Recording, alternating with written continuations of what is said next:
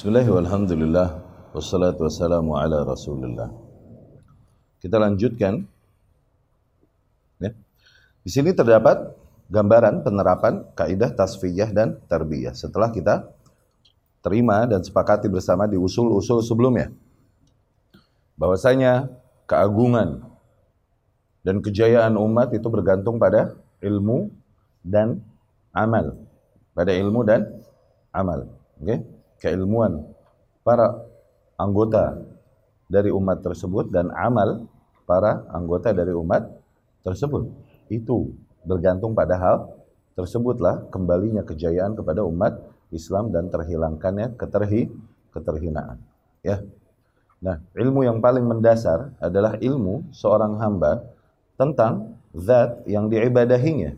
Dan itu ilmu yang paling mulia karena berkaitan ilmu tersebut dengan kemuliaan sesuatu yang dikenalnya, yakni kemuliaan Allah Subhanahu wa taala. Ya.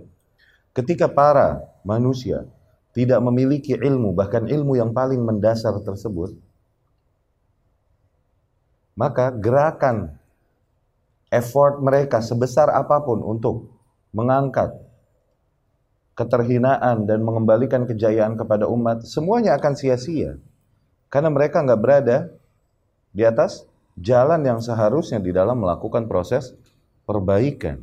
Mereka mencari jalan-jalan pintas, mereka nigo, bahwasanya dengan meraih tampuk kekuasaan melalui cara-cara haram politik demikian itu adalah cara singkat untuk melakukan perba perbaikan. Ini keliru pada mereka. Tanyakan pada mereka, apakah benar mereka berada di atas akidah dan ilmu yang seharusnya yang itu menjadi sebab kembalinya kejayaan pada umat. Nah, standar pertanyaan barometer yang paling dasar adalah tanya, apakah para pengikutmu tahu di mana Allah berada? Ya. Itu pertanyaan tentang konsep tauhid. Pertanyaan tentang konsep tauhid. Itu pertanyaan tentang standar apakah seseorang berada di atas keimanan yang baik atau tidak. Tanya di mana Allah berada. Demikian standar pertanyaan Rasul kepada budak wanita yang akhirnya ditegaskan dia memang beriman dengan baik. Hanya dengan satu pertanyaan itu. Yaitu apa? Posisi Allah. Aina Allah. Hanya dengan satu pertanyaan itu. Rasulullah SAW sendiri yang menegaskan bahwasanya dia berada di atas keimanan yang benar.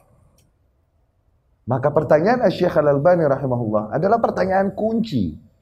Untuk kau mengetahui apakah engkau dan para pengikutmu ini berada di atas konsep keimanan yang benar sehingga layak Allah berikan kepadamu kejayaan dan diangkat darimu keterhinaan. Tuh, Syekh menanya itu. Ditanya main point.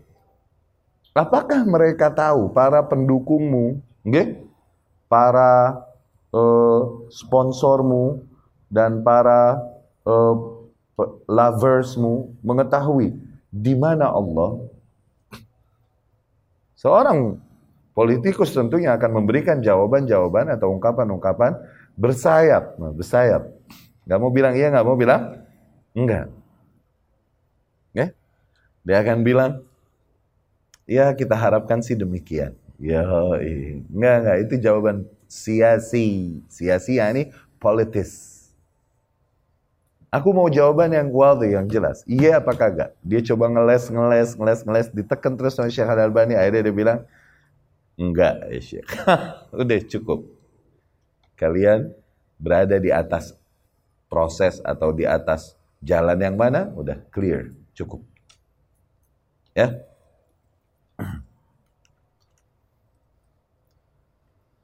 Dan Allah Subhanahu wa taala akan memberikan perubahan kepada sebuah kaum. Ya ini Allah berikan perubahan. Entah nikmat yang ada, kemudian Allah ganti menjadi musibah, menjadi azab. Atau azab yang ada, atau musibah yang ada, diganti menjadi nikmat dan kemudian kemajuan, kejayaan. Kondisi ini, ini bergantung pada perubahan tiap individu. Inna Allah la yughayyir ma biqaumin hatta yughayyiru ma bi anfusihim. Bi, bi. Sesungguhnya Allah Subhanahu wa taala tidaklah memberikan perubahan kepada sebuah kaum sehingga mereka sendiri yang merubah keadaan mereka masing-masing. Ya. Thummal jihad nafsuh la yakun illa bi ummah mu'talafatul qulub. Dan kemudian jihad, praktek jihad itu sendiri tidaklah terjadi kecuali pada umat yang memang memiliki kekuatan hati. Ya?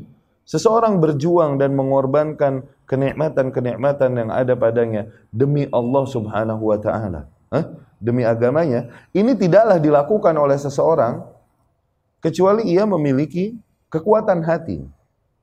Lianna li'tilaf rafidun nasr. Dikarenakan demikianlah kekuatan hati ini yang menjadi faktor pendorong terjadinya nasr, kemenangan.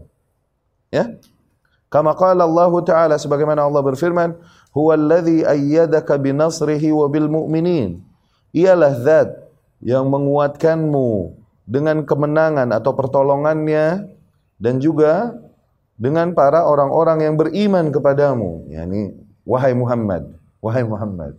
Allah berkata kepada Rasulullah sallallahu alaihi wasallam bahwasanya Allah lah yang menguatkanmu, yakni memberikan kekuatan pada hatimu dan memberikan kekuatan padamu dengan menjadikan orang-orang yang beriman yang mengikutimu. Tuh. Ya.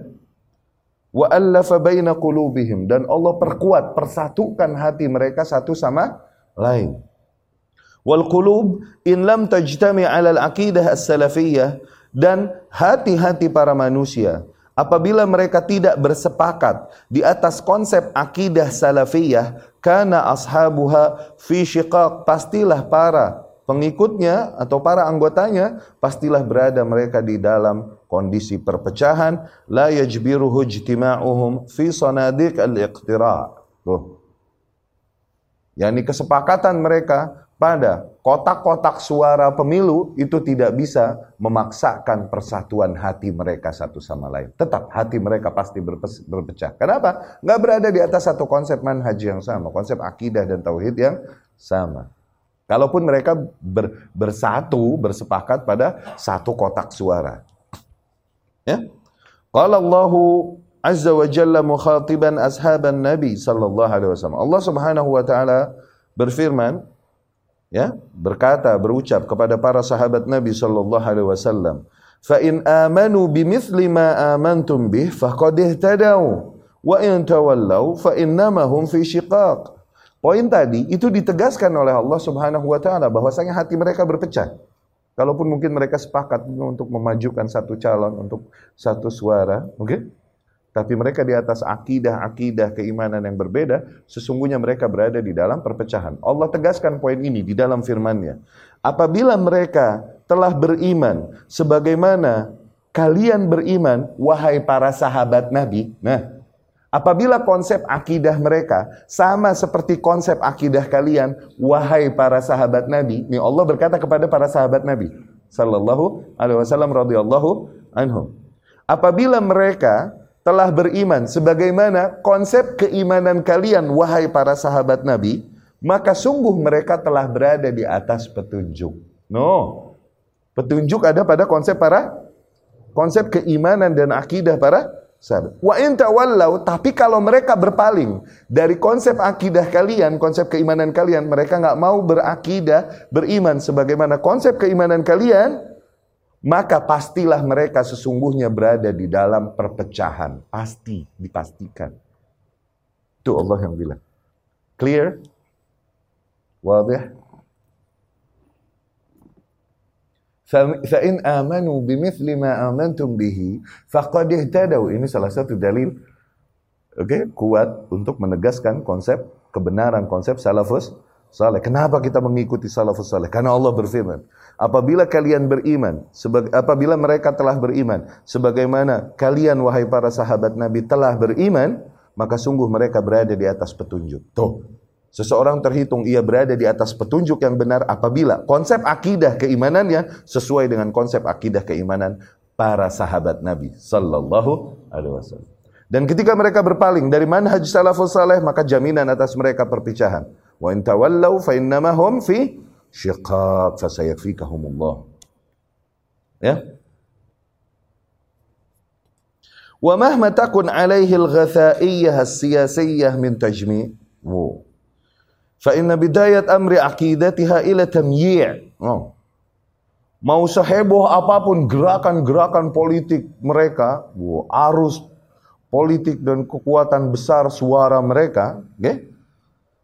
maka sesungguhnya permulaan awal akidah mereka itu mengarah kepada tamyi'. Tamyi' ini fleksibel-fleksibel yang berlebihan, okay? akhirnya sampai titik tolerir kepada hal-hal yang sifatnya melanggar syariat. Fleksibel pada kadar tertentu, bagus. Tolerir pada kadar tertentu bagus. Tapi berlebihan sampai akhirnya mentolerir yang batil. Hah? Atau mentolerir ketika hak ditinggalkan. Nah, ini yang rusak. Ya? Tamyi' wa nihayat ila tafarruq wa tabdi' dan pasti dipastikan kalaupun awal mulanya telah berada di tamyi' karena mereka akan mentolerir penyimpangan akidah satu sama lain yang penting apa satu suara dia nggak mau tahu aku sama barengan gerakan dengan orang-orang yang masih nyembah kubur, eh, yang masih minta sama puun, sama batu, nggak mau tahu. Yang penting suara bareng, tuh kan? Berangkat akidahnya dari konsep tamyi, udah tolerir berlebihan, tidak memperdulikan penyimpangan akidah. Maka ujung perkara mereka dipastikan pada tafarruk dan ikhtilaf, pada perpecahan dan perselisihan, ya. Dan tabdi' dan akan saling menghukumi penyimpangan satu sama lah satu sama lainnya. Kalaupun awalnya gerakannya bareng. Ya. Lianna ijtima'al abdan la yakun la yakuna illa muaqqatan. Dikarenakan persatuan badan itu tidaklah terjadi kecuali hanya sementara saja. Ya. Idza kana aqdul qulub musyattatan apabila ikatan hati berantakan. Nah, persatuan badan itu sebentar doang, sementara. Ya. Walam ajid lihaula asdaq wasf min qaulillahi ta'ala fil yahud. Dan sungguh tidak ada lagi sifat yang paling tepat menggambarkan sifat mereka nih, para kaum hizbiyah yang bersatu di atas kebatilan mereka yang penting. Hah? Suaranya satu lobang, satu kotak, okay? Tidak ada sifat yang lebih mantap menggambarkan sifat mereka kecuali firman Allah Subhanahu wa taala ketika menggambarkan sifat kaum Yahudi Allah berfirman, "Ba'suhum bainahum syadid, tahsabuhum jami'an wa qulubuhum syatta." Nah, sesungguhnya permusuhan di antara mereka itu begitu besar. Kalian kira mereka begitu kompak, satu. Tapi sesungguhnya hati mereka berpecah belah satu sama lain. Hmm. Ajib. Eh? Gambaran ajib. Langsung dari Rabb yang mengendalikan hati para makhluknya. Yang ngasih bocoran ini. Mata kita ngelihat mereka kompak luar biasa, kuat, iya kan? Tapi Allah kasih bocoran, ilmu gaib. Hah? Bahwasanya hati mereka hah? sesungguhnya bertentangan satu sama lain. Makanya demikian konsep ahlus sunnah. Kalimatut tauhid qabla tauhidil kalimah. Nah, itu ajib. Kalimatut tauhid qabla tauhid al kalimah. Kalimat tauhid dulu kita tekankan. Samain dulu konsep kita di dalam tauhid sebelum berbicara untuk mempersatukan kalimat. Ini ayo persatuan, persatuan kaum muslimin harus bersatu, bersatu. Itu namanya tauhidul kalimat. Ini percuma sebelum kalimat tauhid dulu beresin. Kalimat tauhid qabla tauhidil kalimah. Itu konsep kita ahlus sunnah. Ya, yang kita tekankan adalah pada Konsep tauhidnya dulu kita benahin. Kita murnikan kembali, kita ingkari polusi-polusi yang ada padanya yang mengkontaminasi kemurnian agama. Baru bicara persatuan. Ini enggak. Yang penting apa? Bersatu, bersatu, bersatu. Kalaupun mesti disatukan akhirnya antara tauhid dengan syirik, antara sunnah dengan bid, bid'ah, antara masjid dengan kuburan, disatuin akhirnya. Ya? wajima'ul amr. Anna Allah wa'ada bil istikhlaf al hasan min 'abdihi wahdah bila isyraq man 'abidahu wahdahu bila isyraq ya. Dan poin ini semua terpusatkan pada nilai bahwasanya Allah Subhanahu wa taala menjanjikan keberkuasaan okay, itu kepada hamba-hambanya yang beribadah hanya kepadanya dan tidak mempersekutukannya. Okay? Janji kekuasaan Allah janjikan kepada para hamba-hambanya yang mentauhid, mentauhidkannya dengan baik. Ya, dan tentunya mengikuti Rasulnya Shallallahu Alaihi Wasallam dengan baik karena itulah patokan iman dan amal saleh iman dan amal saleh iman yakni konsep akidah yang benar sebagaimana datang dibawakan Nabi. Amal saleh yakni amalan yang benar sebagaimana dicontohkan oleh Nabi. Okay? Allah janjikan kemenangan bagi mereka yang merealisasikan dua poin ini. Allah berfirman, "Wa'adallahu alladhina amanu minkum wa 'amilus salihat." Allah janjikan bagi orang-orang yang beriman di antara kalian dan beramal saleh, la yastakhlifannahum fil ard. Niscaya Allah akan berikan mereka kuasa di muka bumi. Kama stakhlafal ladzina min qablihim. Sebagaimana telah Allah berikan kuasa-kuasa kepada orang-orang beriman sebelum mereka. Wala yumakkinanna lahum dinahum alladzi lahum. Dan Allah akan berikan Allah akan kuatkan bagi mereka agama mereka yang Allah ridai wala yubaddilannahum min ba'di khaufihim amna dan Allah akan gantikan kondisi mereka yang tadinya berada dalam keada keadaan ketakutan dan teror menjadi keamanan. Ya'budunani sehingga mereka beribadah kepadaku la yusyrikuna bi syai'an dan tak ber, ber, dan tak mempersekutukanku dengan satu hal pun.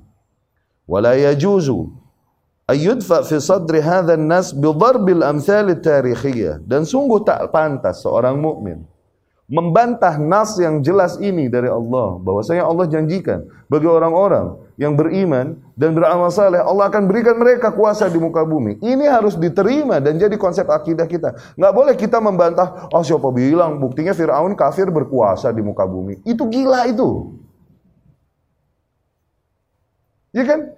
Lihat saking pengennya mereka membenarkan konsep-konsep gerakan-gerakan mereka, gerakan-gerakan politik mereka. Akhirnya dogma yang datang dinas, mereka coba bantah sebisa mungkin. Tanpa disadari, mereka membantah sesuatu yang telah begitu jelas dan terang pada kitabullah. Allah janjikan kekuasaan bagi mereka yang beriman dan beramal saleh. Patokannya di situ. Maka di iman dan di amal bukan di ke satu gerakan dan satu suara, bukan, tapi pada iman dan amal Salah. Ya kan? Nggak boleh kita membantah nas yang terang demikian dengan memberikan perumpamaan-perumpamaan yang ada pada sejarah yang bertentangan dengan seolah-olah bertentangan dengan apa yang Allah katakan ini. Li'annal muslim waqaf 'indan nas. Dikarenakan idealnya seorang muslim dia akan mengambil sikap di atas nas sesuai dengan nas yang datang. Waqad qala Allah Ta'ala dan Allah Subhanahu wa taala telah berfirman, Fala tadribu lillahil amthal. Janganlah kalian berikan amthal kepada Allah Subhanahu wa taala, yakni analogi-analogi untuk membantah keterangan hak yang datang darinya. Innallaha ya'lamu wa antum la ta'lamun. Sesungguhnya Allah Maha mengetahui. Kalian yang tak tahu apa-apa. Ya? Jadi jangan keterangan-keterangan dogma yang datang dari Allah Subhanahu wa taala kita bantah dengan perumpamaan-perumpamaan yang datang dari hawa nafsu kita. Ya. Wa amma tahdidu syekh su'alahu fi mas'alati al-istiwa fali'annaha muftaraqut turuq baina ahli sunnah wa ashabil ahwa. Adapun kenapa Al-Syekh Al-Albani rahimahullah memilih poin pertanyaan tersebut tentang sifat istiwa pada Allah Subhanahu wa taala? Dikarenakan poin itu adalah poin titik pembeda antara kelompok ahlu sunnah dengan para pengekor hawa nafsu. Lianna hal akidah as-sahalah. Dikarenakan itu adalah pada dasarnya poin akidah yang mudah. Allati kan ya'rifuha mujtama'un Nabi sallallahu alaihi wasallam. Yang poin akidah ini telah diketahui, diyakini oleh semua masyarakat Nabi sallallahu alaihi wasallam. Alladzi fataha ad-dunya wa qadal umam. Yang masyarakat Nabi tersebut yang menaklukkan dunia dan memimpin umat-umat yang ada hatta jawari min ru'atil ghanam. Kalaupun seorang budak-budak yang menggembala kambing-kambing mereka, itu telah mengetahui poin tersebut. Ini poin akidah yang sangat mudah. Kenapa Allah berikan kesuksesan yang luar biasa pada Rasulullah Shallallahu Alaihi Wasallam dan kemudian pada para salafus saleh kita, sehingga ditaklukkannya dua kekuatan besar bumi Romawi dan Persia. Dan ini hanya dalam waktu yang sangat singkat. Mereka mencetak prestasi yang tidak pernah dicetak oleh kaum mana pun di muka bumi. Nabi Shallallahu Alaihi Wasallam itu merubah bangsa Arab yang tadinya bangsa yang tidak dikenal oleh manusia dan diremehkan oleh kekuatan-kekuatan lain sehingga ketika bertemu dengan pasukan Arab kaum muslimin ini Romawi Persia bertanya apa? Ma antum, kalian ini apa sih? Tuh, apa no? Kalian ini benda apa sih? Gak diorangin dulu Raab. Dulu Arab, nggak diorangin bro. Kenapa? Raja aja nggak ada kaum yang barbar dan terus berperang antar kabilah. Raja aja nggak ada. Raja Afrika ada Najasyi. Raja Romawi itu Romawi bersatu. Negeri-negeri Romawi di bawah Caesar. Negeri-negeri Persia di bawah Kisro. Ada, rajanya ada. Arab ada raja. Eh, kalian ini bukan makhluk yang berperadaban, yang punya peradaban dan punya raja, punya satu kepemimpinan. Enggak. Makanya ditanya, ma antum. Kalian ini benda apa sih? Benda, no? Ma, bukan man. Ma ini kan pertanyaan buat benda kan? Iya kan? What, bukan who. Gitu kan? Bukan man, bukan siapa antum. Ah, masih diorangin lu mendingan. Iya kan? Tapi dikata apa? Lu ini apa sih? Apa no?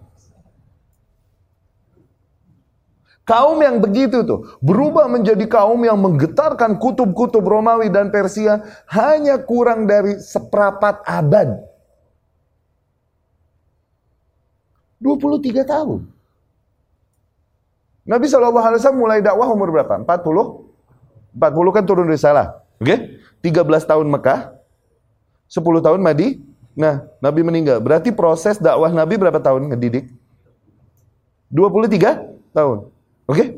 Nabi meninggal, Islam udah bikin begetar Romawi dan Persia. Hanya dalam waktu 23 tahun. Prestasi nggak luar biasa. Dari umat yang kagak dihitung apa-apa, menjadi umat besar yang menaklukkan dua kutub kekuasaan. Belum lagi didikannya. Khulafaur Rashidin yang akhirnya menjatuhkan Persia sampai ke akar-akarnya dan menggulingkan banyak kekuasaan, bagian kekuasaan dari Romawi. Hanya dalam waktu 23 tahun. Lihat, 23 tahun umur individu panjang.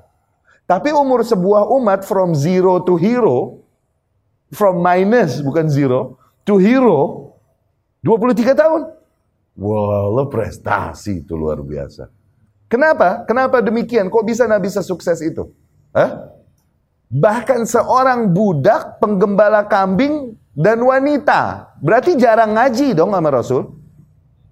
Iya kan? Bukan orang berpendidikan baik, bukan orang yang sering ngaji sama Rasul. Akidahnya beres. Tuh, apalagi yang yang dekat sama Nabi Shallallahu Ditanya di mana Allah, dia bilang Allah di langit. Hmm? No budak dia kebayang nggak orang-orang yang lebih kaya dan merdeka? Maka akan lebih berada di atas akidah yang beres. Pantesan dikasih prestasi begitu sama Allah. Tuh, kita ngeremehin nilai tauhid. Apa sih? Orang lagi ngomongin bicara musuh nih, makar musuh Islam dan propaganda musuh Islam kok ini itu yang dibicarain tauhid no sama akidah. Apa urusannya? Begitu no.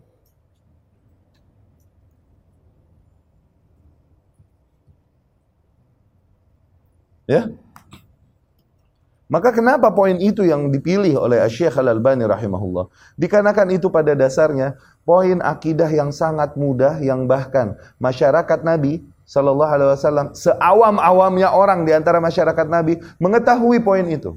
Di kita insya Allah doktor dan profesor di poin itunya masih somplak. Iya kan? Ditanya Allah di mana? Allah di mana-mana. Tidak terikat tempat. Tidak terikat waktu. Nggak mau bilang Allah di di langit, nggak mau. Allah di mana-mana. Jadi dia mah kalau doa begitu tuh. Allahnya di mana-mana sih. Kita fitrah, doa ke mana? Ah, fitrah gak? Kenapa? Hati kita bilang Allah di langit. Dia mau Allah di mana-mana, jadi doanya jaipungan tuh begitu tuh. Nggak tahu dia keder, Allahnya di mana dia mah. Iya kan? Wamtihanu syekh bihadzalikal hizb siyasi dan ketika syekh mengetes parpol tersebut az-za'im annahu muktamil fi dini parpol tersebut yang mengaku-ngaku bahwasanya mereka adalah parpol yang telah menerapkan syariat Islam dengan baik ala mustawa jahiliyah waktu dibanding dengan uh, kondisi kaum jahiliyah di masanya hadzal imtihan maslak salafi nah ujian ini, pertanyaan ini yang menguji, mengetes mereka, demikianlah jalannya salafi. Wa in raghma unfi kulli khalafi. Okay? kalaupun para kaum khalafi membenci konsep kita di sebelah situ. Ya kan? Sebagaimana diriwayatkan Imam Muslim dan lain-lain, hadisnya Muawiyah ibn al-Hakam as-Sulami radhiyallahu anhu, beliau bercerita, "Kanat li ghanam baina Uhud wal Jawaniyah fiha jariyah li." Aku memiliki kambing-kambing yang digembalakan di antara Uhud dan Jawaniyah. Terdapat seorang budak wanitaku yang menggembalakannya. Hmm. Fattala'tu hadzata yaumin. Suatu hari aku sidak, aku tes, eh, aku aku cek. Okay? Fa idza adh-dhi'bu qad dhahaba minha. Ternyata aku dapati bahwasanya kambing telah mencuri salah satu di antara kambingku. Wa ana rajul eh, eh, bahwasanya serigala telah mencuri salah salah satu di antara kambingku. Wa ana rajul min bani Adam dan aku hanyalah seseorang di antara anak-anak Adam fa asift. Maka aku pun marah. Tuh. Ya? Fasakaktuha, maka aku pun menamparnya. Ditampar nih budak dikarenakan meleng sampai kambingnya eh hilang. Fa ataitu Nabi sallallahu alaihi wasallam fa dzakartu dzalika lah. Kemudian aku pun mendatangi Nabi Shallallahu Alaihi Wasallam dan aku lapor, laporkan kasus tersebut kepadanya. Fa'azzama dzalika alai. Rasul pun sallallahu alaihi wasallam terlihat marah kepadaku karena aku bilang aku menampar budakku karena kasus tersebut. Fakultu maka aku pun berkata, "Ya Rasulullah, afala u'tikuha?" Tuh lihat.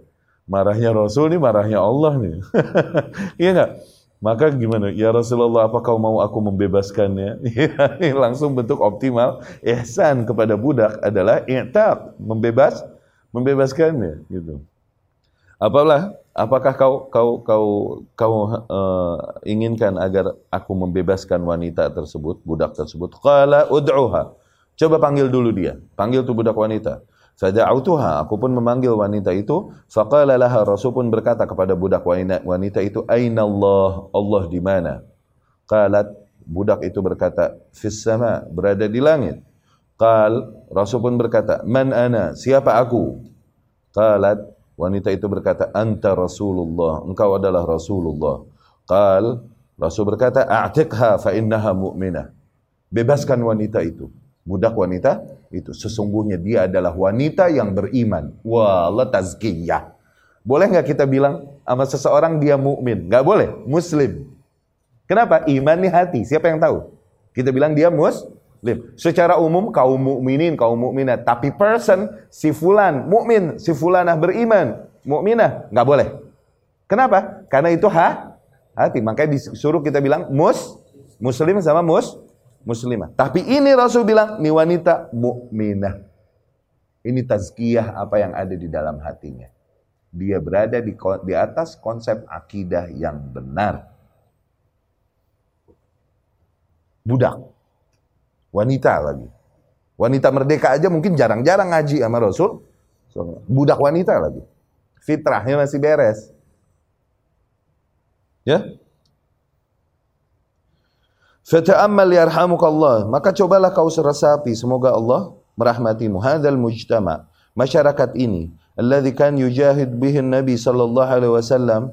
Yang di mana Nabi sallallahu alaihi wasallam berjihad dengan masyarakat tersebut. Iktamal fi aqidatih. Mereka telah mencapai proses sempurna mencapai tahap sempurna di dalam akidah mereka hatta inda ru'atil ghanam sampai seorang penggembala kambing alladzin taqillu suhbatuhum yang kira-kira itu sangat sedikit mereka menyertai Nabi sallallahu alaihi wasallam lin Nabi sallallahu alaihi wasallam kahadhil jariyah seperti ini budak wanita.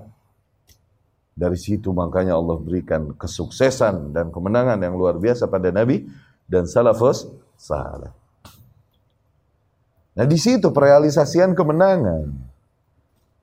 Kembalikan dulu kepada kemurnian. Kembalikan dulu kepada tarbiyah dan tas tasfiyah. Ya. Taib afwan, Anda cukupkan dulu sekian. Semoga pertemuan yang akan datang kita bisa habiskan materi ini. Aku lupa lihada wa astaghfirullah li walakum.